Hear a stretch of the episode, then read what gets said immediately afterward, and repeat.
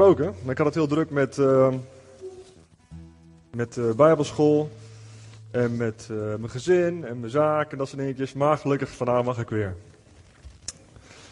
Als ik nu ga klikken, komt dan de eerste erop. Oh, eentje verder, eentje terug. Bevrijdingsdag. Wie heeft gisteren bevrijdingsdag gevierd? Ja, Mooi. Nou, iedereen weet wel, tenminste de meesten wel weten dat de bevrijdingsdag was gisteren. Hè? We vieren dat we zijn bevrijd. Dat we vrij zijn van de oorlog. En um, uh, je kunt ook afvragen wat de motivatie is geweest van de geallieerden die ons bevrijd hebben. En was het puur liefde voor, voor Nederland? Was het haat of uh, wrok tegen de Duitsers? Of uh, in afval, ze hebben de wil getoond en de moed gehad om ons te bevrijden. Maar wat betekent vrijheid? Um, als je, wij leven in een relatief vrij land. In veel andere landen is het minder vrij dan hier. We kunnen redelijk zeggen wat we willen. We kunnen redelijk zijn uh, wie we zijn. Maar uh, er zijn miljoenen mensen die hebben hun leven gegeven voor onze vrijheid. En dat wij hier vandaag kerk kunnen zijn in een relatief vrij Nederland, dat is een, dat is een wonder. Dat is, een, dat is een, een gift van miljoenen soldaten. En verzetsmensen en andere mensen die hun leven hebben gegeven. Maar ondanks dat wij in vrijheid leven, een van de meest vrije landen van de wereld, zitten we toch nog met een heel veel onvrijheden in ons leven. Iedereen zoals die hier zit, of in Nederland, heeft te maken met plekjes waar je misschien in je leven niet helemaal vrij van bent. En um, God, wil die, God wil je die vrijheid geven. Maar daarvoor zul je eerst een paar dingen onder ogen moeten zien. En een paar dingen zullen moeten herkennen in je leven. Um, God heeft natuurlijk Adam en Eva gemaakt in een perfecte relatie. God heeft uh, Adam gemaakt die helemaal puur was, heilig was. Hij was in zijn goddelijke natuur was Adam gemaakt. En uh, uh, God had de mens perfect gemaakt. De mens heeft gezondigd. Daarvoor heeft hij een zondige natuur gekregen. In ons is de zonde terechtgekomen. Dus iedereen van ons heeft daarmee te maken. Iedereen van ons heeft, heeft negatieve gedachten of, of, of, slechte dingen, heeft gestolen, heeft gemoord, verkracht, noem maar op. Er zit in onze natuur. En God moest daarom afstand van ons nemen. Hij kan niet bij ons in de buurt komen vanwege die zondige natuur. En dat is goed om dat centraal te stellen. Dat is het centrale werk van Jezus. Het is net alsof je naar een, een bruiloft toe gaat je ziet een vriend en je hebt zelf hele mooie kleren aan, maar die vriend heeft hele vieze kleren aan. Die zit onder de, onder de mest of onder de rotzooi. En je wilt met je vriend knuffelen, je wilt de vriend een, een huk geven, maar het gaat niet, want hij is vies. Er is iets tussen jou en hem gebeurd. Het is nog steeds je vriend, maar je neemt afstand. Je bent niet meer zo close fysiek als dat je normaal bent. Dat is met God ook gebeurd. Toen de mens de zonde in de mens drong, waar God niks mee kan, moest God afstand nemen. Hij moest zich terugtrekken, want een heilig God, een perfect God, kan niks met een zondige natuur van, van de mens. En nog steeds kan er daar niks mee. God kan niks met onze slechte, negatieve kanten. Kan er niks mee. Maar God is een God van herstel. En hij heeft vanaf begin af aan al plan gehad om met ons in harmonie te leven. Om de relatie tussen God en mens te herstellen. Ja, dat is een beetje de inleiding voor, uh, voor vandaag bevrijdingsdag. Jezus is natuurlijk gekomen om ons ultiem te bevrijden. En 9 van de 10 christenen weten wel van nou, vrijheid van, van de zonde, uh, vergeving, dat soort dingetjes. Maar er zijn nog wat, wat meer dingen. En het zijn machtige wapens, machtige kennis, als je meer weet wat Jezus dood heeft voor ons betekend. Nou, we gaan even een drietal teksten lezen. En die gaan we eventjes bij langs. En dan gaan we naar het hoofdthema. Dat is een beetje een inleiding. Als jullie blijven geloven wat ik zeg en doen wat ik zeg, zijn jullie echte leerlingen van mij. Geloven wat Jezus zegt en doen wat hij zegt. Dat is al een voorwaarde. Dan zullen jullie de waarheid gaan begrijpen en de waarheid zal jullie vrijmaken. Nou, tegenwoordig is natuurlijk heel veel een waarheid. Jij hebt jouw waarheid, ik heb mijn waarheid. Fijn dat jouw waarheid voor jou werkt. Maar zoals bekend is, de waarheid is niet een een leerstelling of een dogma. De waarheid is een persoon. En de waarheid is Jezus. Dus wat Jezus zegt en doet, dat is waarheid. Daarna zegt hij zo interessants. Um, jullie zullen de waarheid gaan begrijpen, dus jullie zullen Jezus meer gaan begrijpen. En de waarheid zal jullie vrijmaken. vrijmaken. De waarheid wat Jezus allemaal aan het kruis heeft verricht voor ons, dat zal ons vrijmaken. Maar als de waarheid ons dus vrijmaakt, het tegenovergestelde is dat de leugen je gebonden houdt. De waarheid maakt je vrij, dus de leugen houdt je gebonden. De waarheid is dat Jezus je vrijmaakt, dat de weg naar God open is. En de leugen is dus dat je dus gebonden blijft aan bepaalde zaken. Dat je een slaaf bent van de zonde. Dat staat hier ook. De Joden zeggen tegen hem: Wij stammen af van Abraham en we zijn nooit slaven geweest. Wat bedoelt u als u zegt dat we vrij zullen worden? Jezus antwoordde: Luister goed. Ik zeg jullie dat iedereen die slechte dingen doet, een slaaf is van het kwaad. Nou, iedereen doet, doet dingen die niet goed zijn. Dus de Bijbel zegt, dan ben je een slaaf van het kwaad. Nou, dat is uh, een vertaling. Daar hoort eigenlijk te staan, mensen die in zonde blijven leven. Als ik soms het nieuws aanzet of de radio of televisie, denk ik van, hoe kan het dat mensen tot dat soort dingen in staat zijn? Hoe kunnen mensen dit soort gruwelijke dingen doen? Maar als je Jezus niet hebt die jou vrijgemaakt heeft, dan ben je een slaaf van de zonde. Je bent een slaaf waar je aan vastzit. Wanneer ben je nou echt vrij? Ben je dan vrij als je dan kan nalaten wat je niet meer doet? Is dat vrijheid? Als je, als je kan nalaten wat je niet meer wil. Dat is een beste vorm van vrijheid. Als je zegt van nou, ik kan alles loslaten wat ik niet meer wil. Dat is zo'n beste vorm van vrijheid.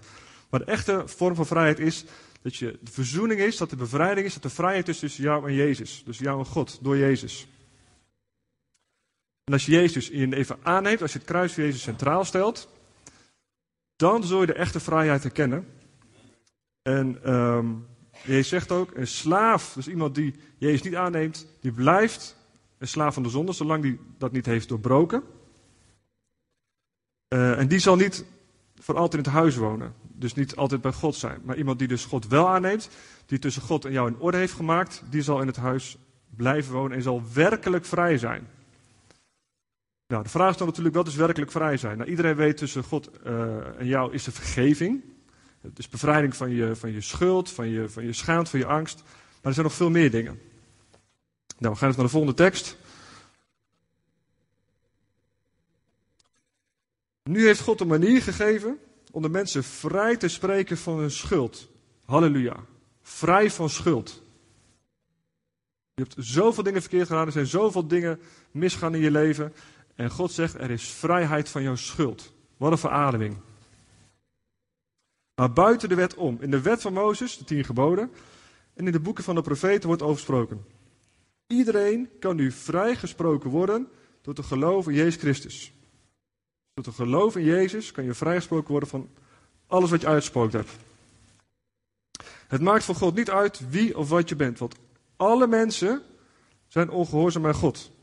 Daardoor, daardoor moeten alle mensen leven zonder de heerlijke aanwezigheid van God in het leven. Dus in principe wordt iedereen geboren zonder God. En als je God aanneemt, dan mag je in de heerlijke aanwezigheid van God leven. In dit leven en natuurlijk ook na dit leven.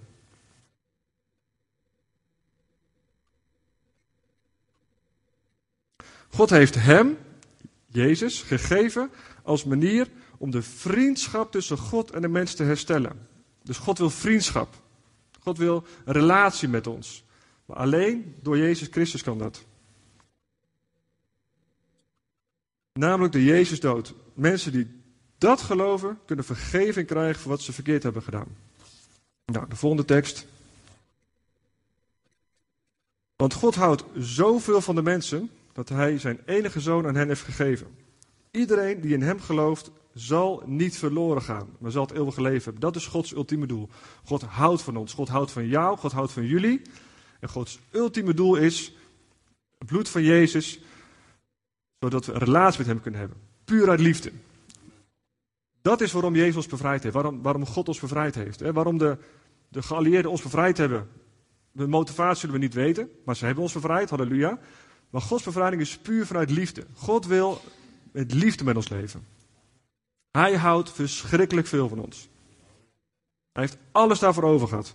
Dus de eerste plek is, zonder hem zijn we verloren. En met hem, God wil niks anders dan met jou relatie aangaan.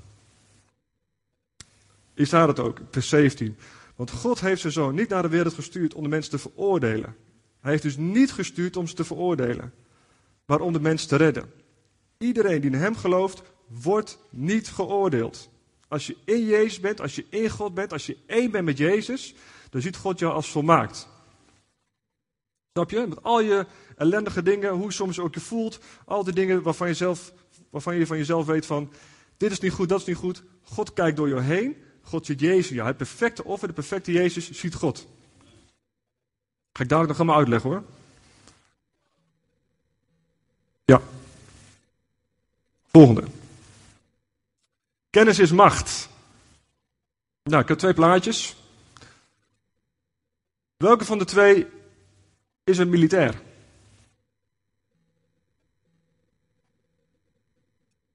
Allebei. ja, allebei. Welke kom je liever tegen op het slagveld?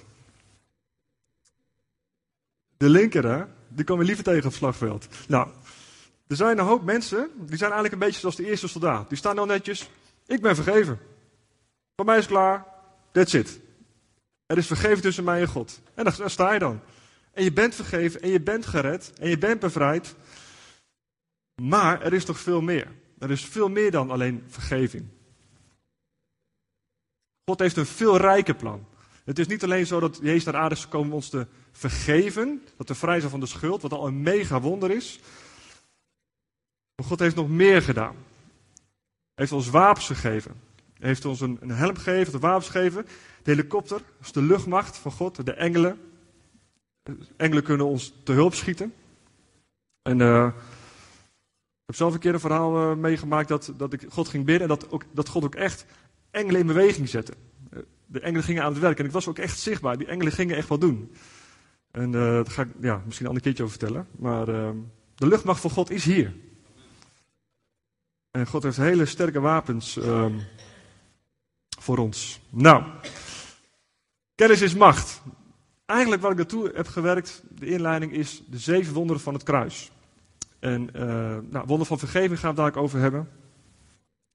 Maar er zijn zeven dingen die Jezus heeft bereikt met zijn kruisdood.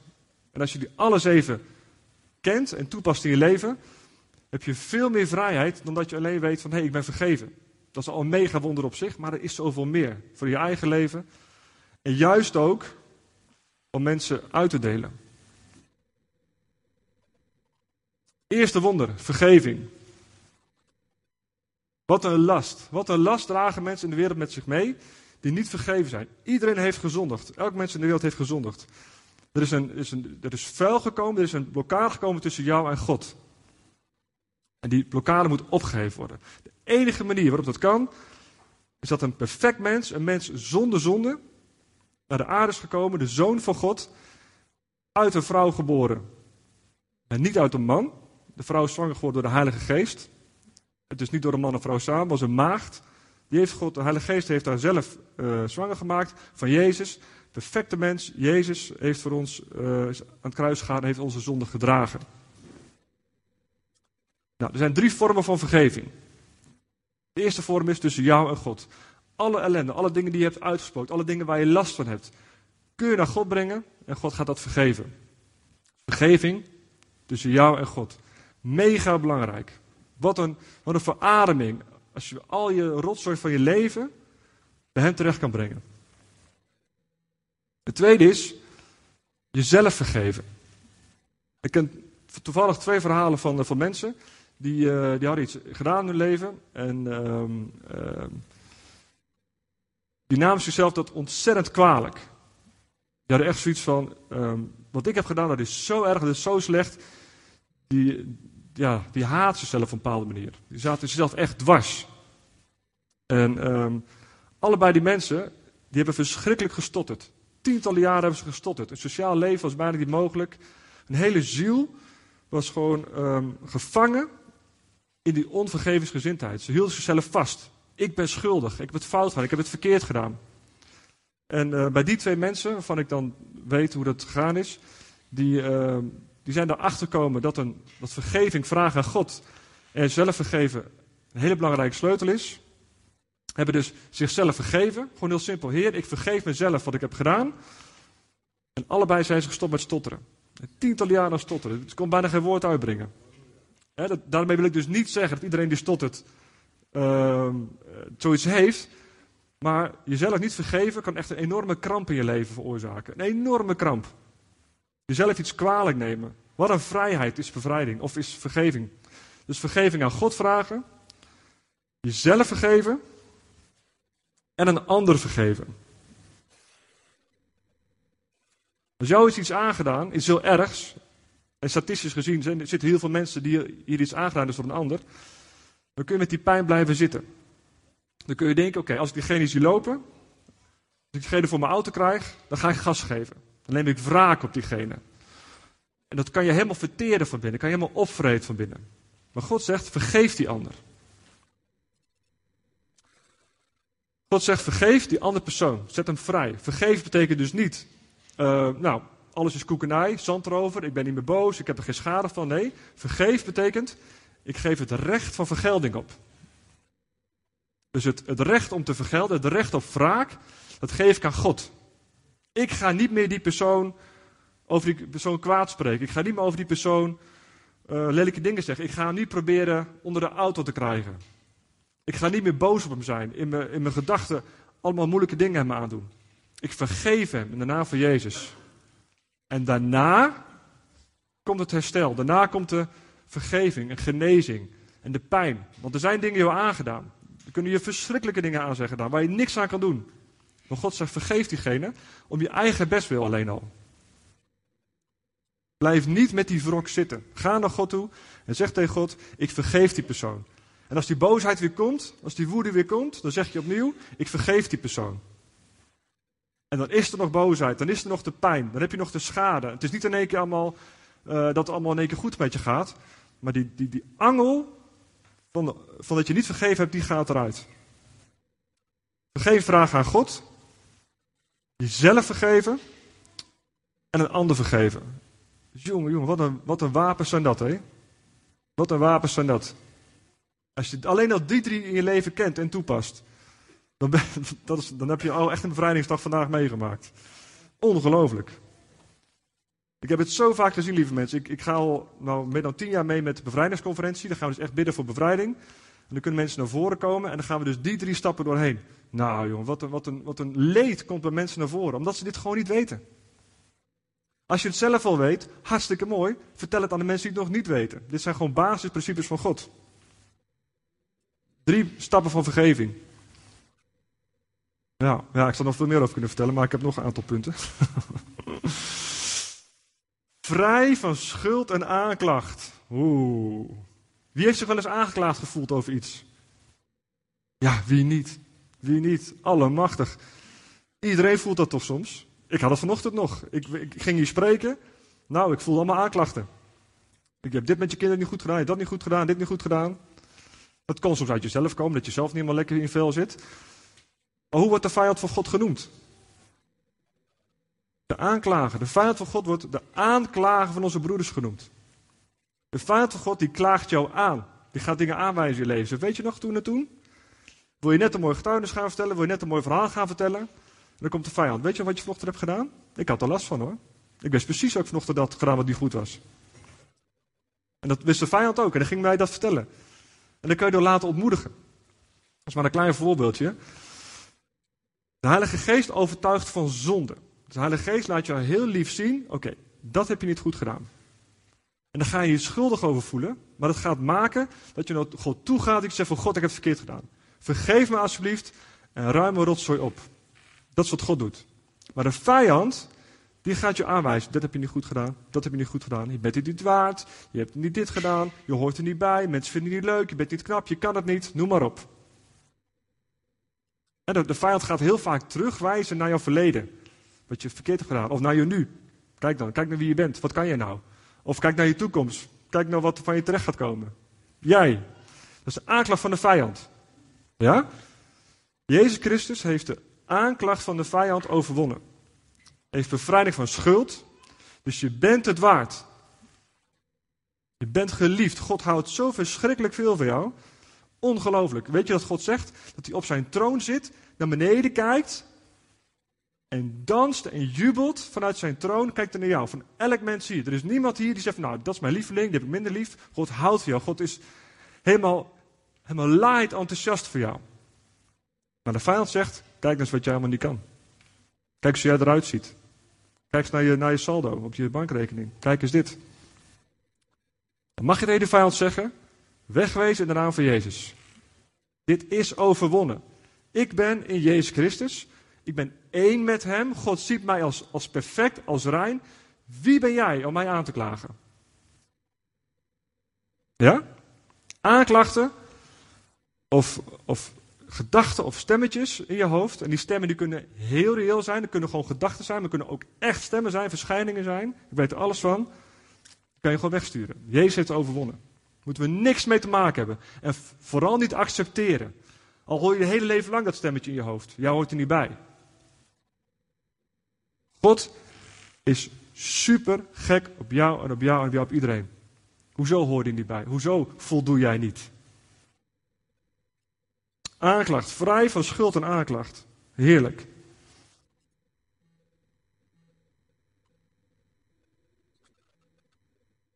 Het bloed van Jezus reinigt ons geweten.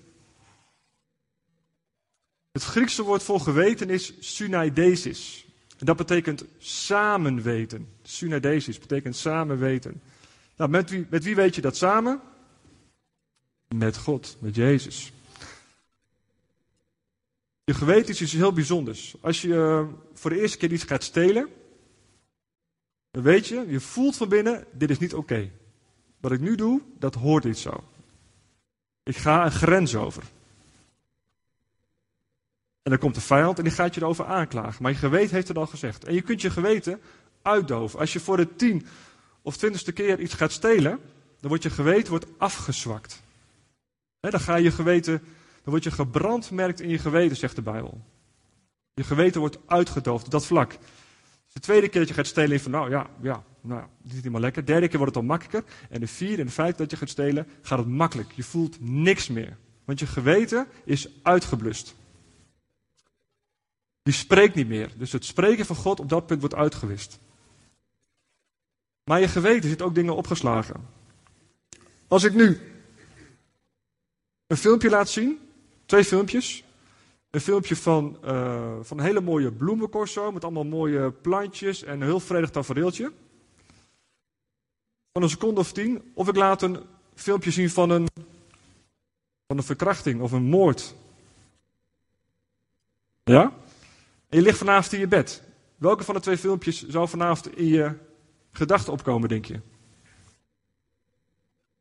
Ja. Niet dat filmpje van die bloemen. Die komt vanavond niet in je gedachten op. Maar wel dat filmpje van het hele nare. Dingen die je hebt meegemaakt in je leven, die staan in jouw geweten gegrift. Dat is een uitspraak. Die staan jou helder voor ogen als een film. Als het heel ernstig is, dan kun je ook trauma's daarvan overhouden.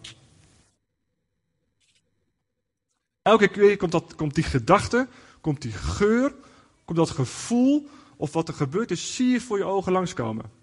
Elke keer herinner je dat weer. Dat is je geweten. En natuurlijk, de vijand, die gaat erop inspelen. Die vindt dat geweldig.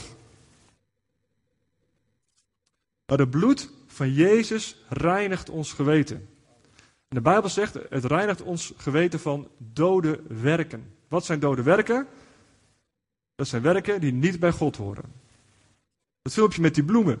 is prachtig mooi werk. is van God. Heeft God geschapen. Dat andere filmpje met die, die rotzooi wat je hebt gezien. Met die ellende wat je hebt gezien. Dat is niet van God. Dat is een doodwerk. En de Bijbel zegt heel duidelijk. Het bloed van Jezus reinigt ons geweten. Dus je kunt daar vrij van komen. Dingen die je meegehaald hebt, meegemaakt hebt. God gaat dat niet uitwissen uit je geweten. God gaat dat niet uit je systeem weghalen. Kan. God kan het filmpje kan die weghalen of vervagen. Meestal gaat het zo dat God de pijn uit die herinnering gaat weghalen. Dus je herinnert je het nog wel. Je weet dat het is gebeurd.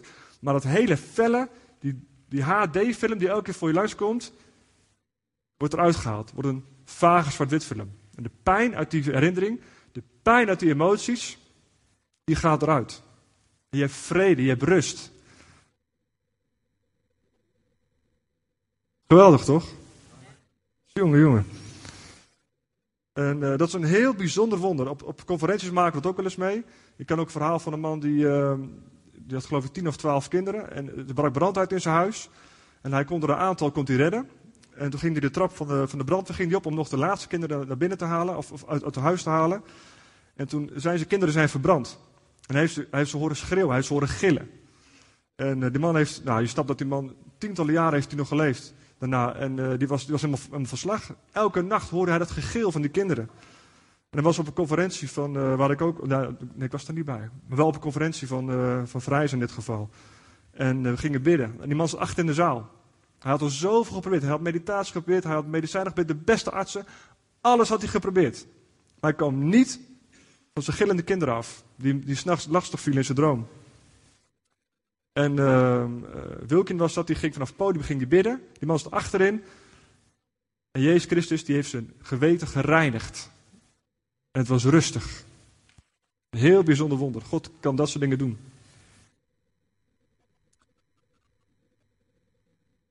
Genezing. Nou, de meeste christenen weten wel over vergeving van zonden. En de meeste christenen weten ook nog wel over genezing. Nou, zijn ontzettend veel theorie, the, theorieën over, over genezing. En uh, sommige mensen genezen wel, sommige mensen genezen niet. En er zijn blokkades op weg naar genezing. Uh, Jan Zelstra heeft een boek geschreven met 100 blokkades op weg naar genezing. Het ligt aan de zieke, het ligt aan degene die, uh, die voor je bidt, het ligt aan dit, het ligt aan dat. Ik ben heel simpel, heel zwart-wit. God zegt tegen ons: je moet bidden voor genezing. Punt. Bid voor de zieken. Dat is onze opdracht.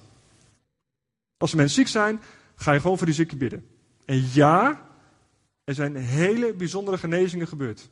Hele bijzondere genezingen. Ik ken ook een paar verhalen van mensen die heel bijzonder zijn genezen. En uh, die gebeuren. God geneest. God geneest vandaag en morgen. En aan het eind van de tijd zouden we dat blijven doen. Omdat God zegt, wij moeten gewoon bidden voor genezing. Ja, er worden ook mensen niet genezen. Dat is gewoon de realiteit. Niet, niet iedereen geneest. En dan gaan gewoon mensen dood aan ziektes.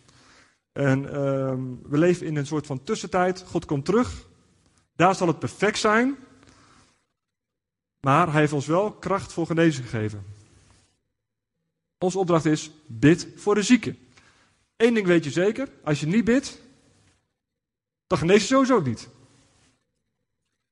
En als je vijf keer voor iemand bidt en daarna stop je ermee, dan wordt die zesde sowieso niet genezen. En ja, het is lastig als je een hele zaal vol met zieke mensen ziet. En worden er vijf of zes worden er genezen. En andere honderd gaan weer terug in een ziekenbedje naar huis. Dat is, dat is lastig, dat is moeilijk. Je wilt dat iedereen geneest, dat wil je gewoon. Maar uh, ik ben geen theoloog. Ik doe gewoon wat God zegt. Bid voor de zieken. Punt. Dat is wat we moeten doen.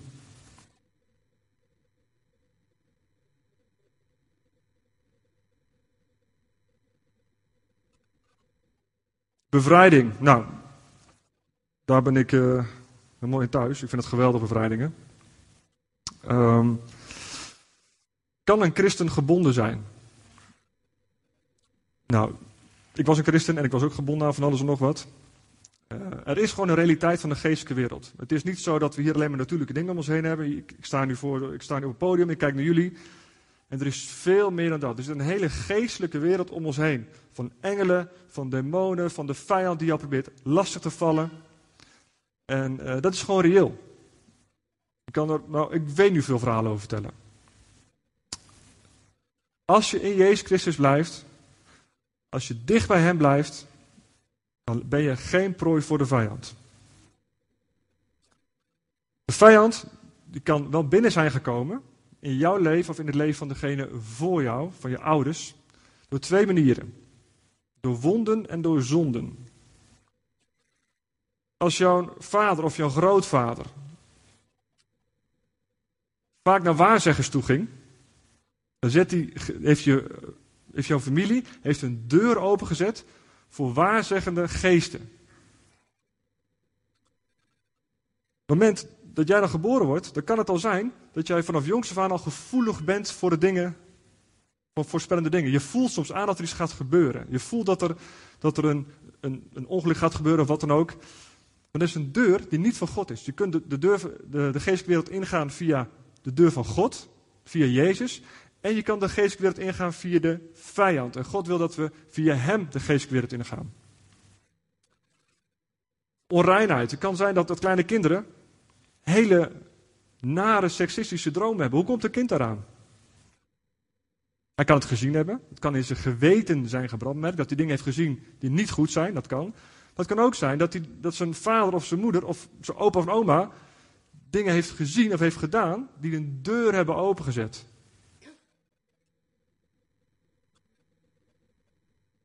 Oplossing is zo simpel. De grond voordat je lastiggevallen wordt door de vijand, voor onreinheid, voor doodsgedachten. Nou, we hebben hier Corine, en Corine is er vandaag niet. Corine wilde niks anders dan dat ze ontzettend graag dood wilde. Elke vrachtauto die ze zag, elk flat wat ze zag, had ze zoiets van, daar kan ik me volgooien. Ik kan van een flat afspringen. Die wilde alleen maar dood. Terwijl ze vier kinderen had. Ze zag haar leven niet meer zitten. Toen was ze een, eh, twee jaar terug bij ons in de dienst. En toen, uh, toen is ze bevrijd van de macht van de dood. Een macht van de dood. Nou, er zijn ontzettend veel machten. Het zijn allemaal dezelfde vijand. Het is gewoon de vijand van God. Demonen. zijn gevallen engelen. zijn geschapen wezens. De, de vijand is helemaal niet zo machtig als God. Hij doet zich wel voor. En hij kan ook heel machtig zijn in jouw leven. Maar het is gewoon een geschapen engel die gevallen is. En God heeft alle macht en de vijand heeft weinig macht. Maar als er een deur open staat, dan komt hij heel graag in jouw leven jou lastigvallen. Vindt hij geweldig om je aan te klagen. Om je schuldig te laten voelen. Om jouw geweten te verontreinigen. Beleid je zonde naar God. Beleid de zonde van je ouders, van je voorouders naar God. En de grond, zodat de vijand daar is, de deur die je open hebt gezet, of die open voor jou is gezet, die is weg.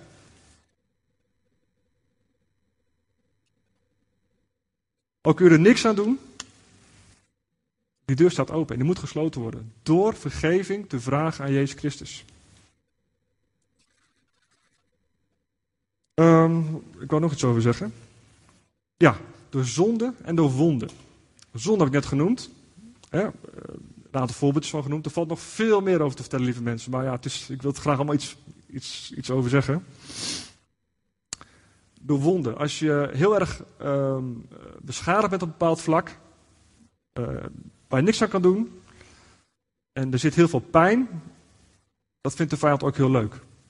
Stel je voor dat je een keertje in elkaar geslagen bent, noem maar iets, en je hebt daar eh, best wel last van, emotioneel ook, en fysiek, en uh, dat soort dingetjes. Dan komt de vijand, en die gaat erop spelen. Je had het verdiend. De klappen waren juist goed. Eigenlijk hadden ze veel harder moeten zijn. Je had nog veel, veel vaker in elkaar geslagen moeten zijn. En op een gegeven moment wordt die wond groter, de emotionele wond wordt groter. Je gaat erin geloven, ja, ja eigenlijk was het wel waar. Ik heb het eigenlijk, eigenlijk heb ik het zelf uitgelokt dat ik die klappen kreeg. Eigenlijk heb ik het zelf verdiend zelfs. Zo komt de vijand binnen, zo werkt de vijand. En als je dat niet weet, lieve mensen, dan sta je machteloos. Dan, dan moet je alleen maar die vijand, die aanvallen ondergaan. Maar God wil niet dat je die aanvallen ondergaat. God wil dat je, tegenop staat. Hij heeft je wapens ervoor gegeven. Breng die pijn alsjeblieft bij Jezus. Breng dat juk bij Jezus. Vraag vergeving. Ga met die pijn naar Jezus toe. Die pijn op zich is al genoeg wat je meegemaakt hebt. Er hoeft niet nog een keertje de vijand nog een keertje extra in te gaan stoken.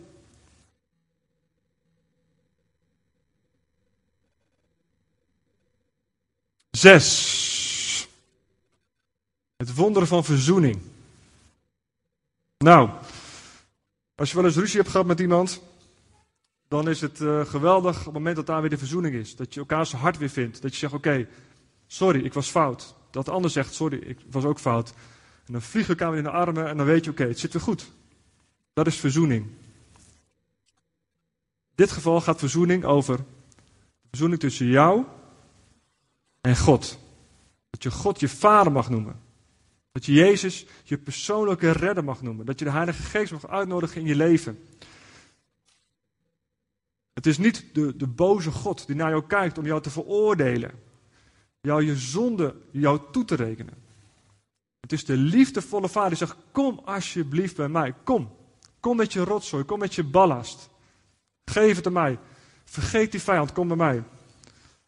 Vraag vergeven wat je hebt gedaan en kom bij mij. Mensen, het is, het is een geweldig wonder. Als je verzoent met, met de Vader. Als je weet, al heb je een slechte vader met je eigen vader, God de Vader is liefdevol, is genadig. Hij wil niks anders dan met jouw relatie aangaan. Voor nu in dit leven, maar ook voor de eeuwigheid. Dat je één bent met God, dat je s'avonds naar bed gaat. Dat je zegt, God, dank u wel dat u er bent. Dank u wel dat u mijn vader bent. Dank u wel voor dit, dank u wel voor dat, dank u wel voor dat.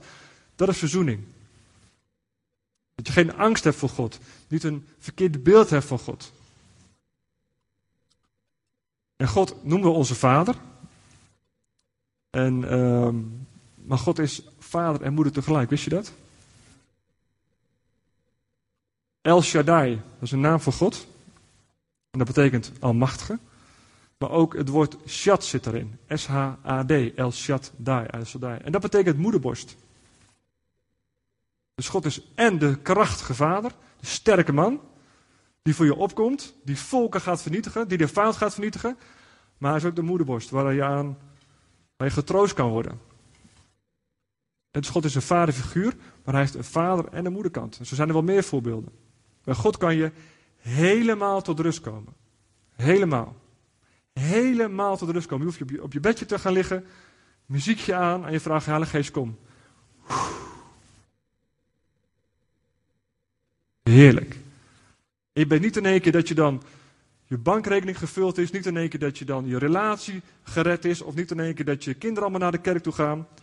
Maar God komt in die storm. En, jouw hele wezen verandert van binnen. Je hebt vrede met God gesloten. Mensen die vrede met God hebben gesloten en die doodgaan, die liggen heel relaxed op hun sterfbed. Met open armen. Kom maar, vader. Kom maar. En um, een paar grote namen, bijvoorbeeld Lenin. Lenin heeft miljoenen mensen vermoord in Rusland. En het schijnt dat hij eh, op zijn sterfbed ook echt heeft lopen schreeuwen en gillen voor God om vergeving. Hij voelde de dood komt dichterbij en ik heb geen vrede met God. Ik ga dood zonder vrede met God.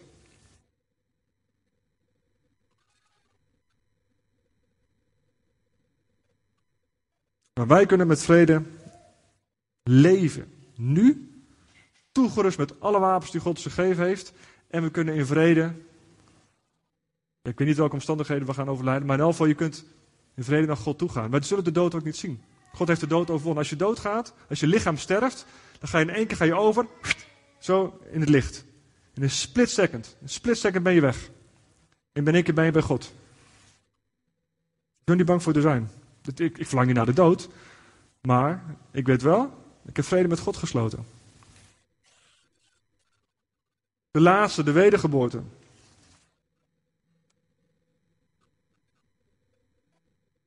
Ja, ik heb het aan het begin al gezegd. Um, we hebben een zonnige natuur gekregen. Iedereen van ons is ontaard. Je bent een, je bent een, een, een slechte kopie geworden van hoe, hoe, we eigenlijk, hoe het God bedoeld had. We waren perfect. We waren wezens met een perfect geweten. We waren super, echt super mooi geschapen. Zonder de zondige verlangens en leugens en dat soort dingen in ons leven. We waren helemaal perfect. En uh, Adam en Eva hebben gezondigd. Toen is de zonde, de pijn, de afwijzing, de schuld, de aanklacht is ons leven binnengedrongen. En zelfs God kon er niks aan doen. God heeft niet kunnen doen, niet kunnen zorgen dat die, dat die zondige natuur van ons veranderd werd. Er moest een oplossing komen. Nou, die zondige natuur, die heb je nog steeds. Maar als je Jezus Christus aanneemt, dan word je wedergeboren. Dat betekent opnieuw geboren. Dat betekent dat je een nieuwe natuur krijgt. Een nieuwe natuur en jouw geest wordt verbonden aan Gods geest. Dat is het moment waarop je ogen open gaan, dat je kan snappen wie God is. Ik heb dat zelf ook meegemaakt, een aantal jaren terug, 2006. Uh, eh, heel simpel, iemand vroeg mij, wil je Jezus aannemen in je leven? Ja. Ja. Eigenlijk is het, eigenlijk is het wel het diepste wat ik, wat ik, wat ik wil. Maar uh, ik wist niet precies wat het inhield. En ik snapte de Bijbel niet, ik snapte God niet. Ik, snapte, ik was alleen maar bang voor God. Ik dacht dat God een boze God was. Maar ik, heb, ik heb ja gezegd, ik heb God aangenomen. Ik heb vergeven vraag al mijn zonden. Dat was buiten op een, op een kampeerboerderij. En uh, ik, ging weer terug dat gebouwtje in. En in ineens was ik anders. Ineens, een second. Ik, ik, ik, ik, snapte in één keer de Bijbel, ik snapte God, ik snapte dat God liefde was. En één keer begreep ik waar het om ging. Ik kon God snappen. Als je Jezus niet hebt leren kennen, als je Jezus niet hebt aangenomen, kun je dat niet begrijpen. Hoe liefdevol het is, hoe geweldig het is, hoe ik nou vol passie sta te praten over God, kun je niet snappen. Hoe ik vrij ben gekomen van de zonde, hoe ik verzoening heb met God, hoe ik bevrijd ben, kun je niet pakken als je niet vrede hebt gesloten met God, als je niet Jezus in je leven hebt aangenomen. Is onmogelijk. En bij mij was dat ineens, een heel aanwijsbaar moment, met mevrouw Janneke ook. Die had het s'nachts in de kroeg. Die werd gewoon door God de kroeg uitgezet. Die voelde een hand in de rug. De kroeg uitgezet op het moment dat ik zat te bidden voor haar thuis.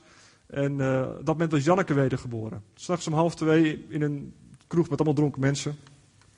En soms kan dat zo gaan. Maar soms is het ook zo dat het gewoon een proces is. Dat je gaandeweg gaat begrijpen wie God is. Maar als dat moment daar is, als je Jezus in je leven wil. Allemachtige. Dan heb je de vrijheid van God. Al die dingen die Jezus voor jou gedaan heeft. Komen in één keer zijn jouw deel. Je bent deel van God. God ziet jou als, als geweldig. God ziet jou hoe hij jou ooit gemaakt heeft. Al heb je last van je eigen zonde, al heb je last van de dingen die je meegemaakt hebt, God kijkt niet naar jou zo. God kijkt naar jou als je bent geweldig, je bent geliefd, je bent rijk.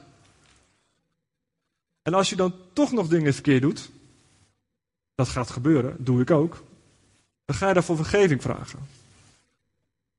En niet om gered te worden. Ik ben gered. Je vraagt vergeving om de relatie tussen jou en God te herstellen. Als jij een probleem hebt met iemand, moet je naar diegene toe gaan. En dan ga je dat in orde maken. Dan ga je zeggen, hey, sorry, het spijt me, ik heb het verkeerd gedaan. Dan is die relatie weer goed. Dus ik vraag vergeven van God, omdat ik wil dat er niks tussen mij en God in staat. Ik wil dat de weg open is, dat ik kan bidden, dat ik direct connectie heb. Dat mijn geest afgestemd is op God.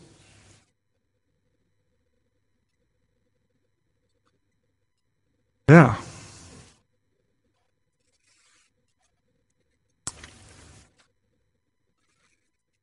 Eens even kijken.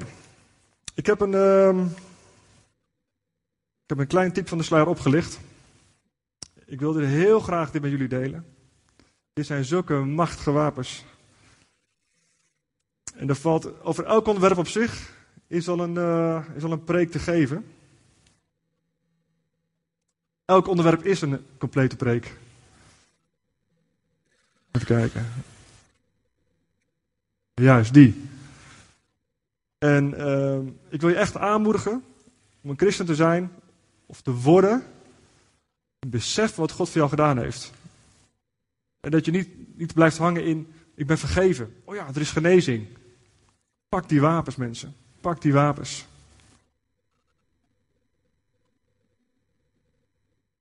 God wil je bevrijden van het juk wat je in je leven hebt meegemaakt. God wil je losmaken van de dingen waar je last van hebt waar je gebonden bent.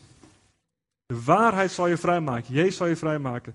En de leugen houdt je gebonden. Als je niet aanneemt dat Jezus dat voor jou gedaan heeft, dan is dat een leugen in je denken en dan kun je daar vast blijven zitten. Is niet nodig. Neem de waarheid aan, neem Jezus aan en, en ontvang die vrijheid gewoon. Laat je geweten reinigen. Als je dingen hebt meegemaakt, ga daarvoor laten bidden. Ga dat niet mee naar huis. Ik zeg van, nou goh, ja, ik heb dat meegemaakt en ik heb er nog steeds last van. Vraag God om dat te genezen. Als je elke keer die stem in je hoofd hebt, je bent het niet waard. Je hoort erbij. Zo vaak hoor ik dat bij mensen. Ook, ik heb bij rijschool zo vaak die jongelui die het ook tegen me zeggen. Ja, ja, ik, ik, heb, ik heb vaak dat soort gedachten, dat soort stemmetjes. Die zijn gewoon reëel. Die zijn niet van God. Waarschijnlijk ook niet van jezelf. Kan. op een gegeven moment kan je die leugen over gaan nemen. Maar blijf daar niet mee zitten. Nou. Eigenlijk is, uh, is het boek Het Wonder van het Kruis. En uh, dat is eigenlijk de basis van wat ik net verteld heb, komt uit dit boek. Hier staat alles perfect in beschreven. Ik verdien er niks aan, dus je mag het gerust uh, kopen. Ik maak er promotie voor, omdat dit gewoon beschrijft wat ik net heb verteld. Tot in detail. En uh, hierdoor ben ik ook geïnspireerd, geraakt. Het wonder van het kruis, geluk van de kamp. Kan ik je echt aanraden om dat uh, aan te schaffen. Het is in het, uh, nu nog in het Engels te verkrijgen, in het Nederlands, maar het wordt ook in het Arabisch, uh, Chinees, Spaans, Frans, uh, Duits. Dus alle wereldtalen wordt het ook is het al vertaald of wordt binnenkort vertaald. En eh, deze boodschap gaat ook de wereld over. En dit is niet de boodschap van vrij zijn of van Wilkin. Het is gewoon de boodschap van Jezus Christus. Alleen er wordt over van alles nog wat gepreekt, wat op zich ook goed is. Er wordt over vergeving gepreekt, wat ook goed is. Maar er is zoveel meer. Er is zoveel meer. Nou, um, ik ben uh, helaas aan het einde gekomen. Ik denk dat het goed is om straks nog een, uh, oproep te doen. Ga mijn gang. Nou, zullen het gewoon zo doen? Iedereen die daar last van heeft, die zegt: Ik wil Jezus beter leren kennen. Ik heb dingen meegemaakt waar ik vanaf wil. Ik heb stemmetjes waar ik, uh, die, die, tegen mij aanklagen. Of whatever it is. Ik wil Jezus aannemen. Ik wil los van die schuld. Ik heb zoveel ellende aangericht in mijn leven. Ik wil er los van zijn. Kom dan massaal naar de kruis toe. Er staan mensen van het gebedsteam. En Peter zal er ook staan, denk ik, of anderen. En uh, laat gewoon voor je bidden. Blijf niet met die rotzooi zitten. Pak die vrijheid. En deel het uit in Jezus' naam. ja, deel het uit. Het is niet voor ons. Het is voor de anderen die het nog niet weten. En als je het weet, halleluja. Blijf voor jou. Maar deel het uit. Ja? Nou, als je wil, misschien dat er een mooie gezellig muziekje ergens kan komen. En dan kom lekker naar het kruis en dan gaan we voor jullie uh, bidden.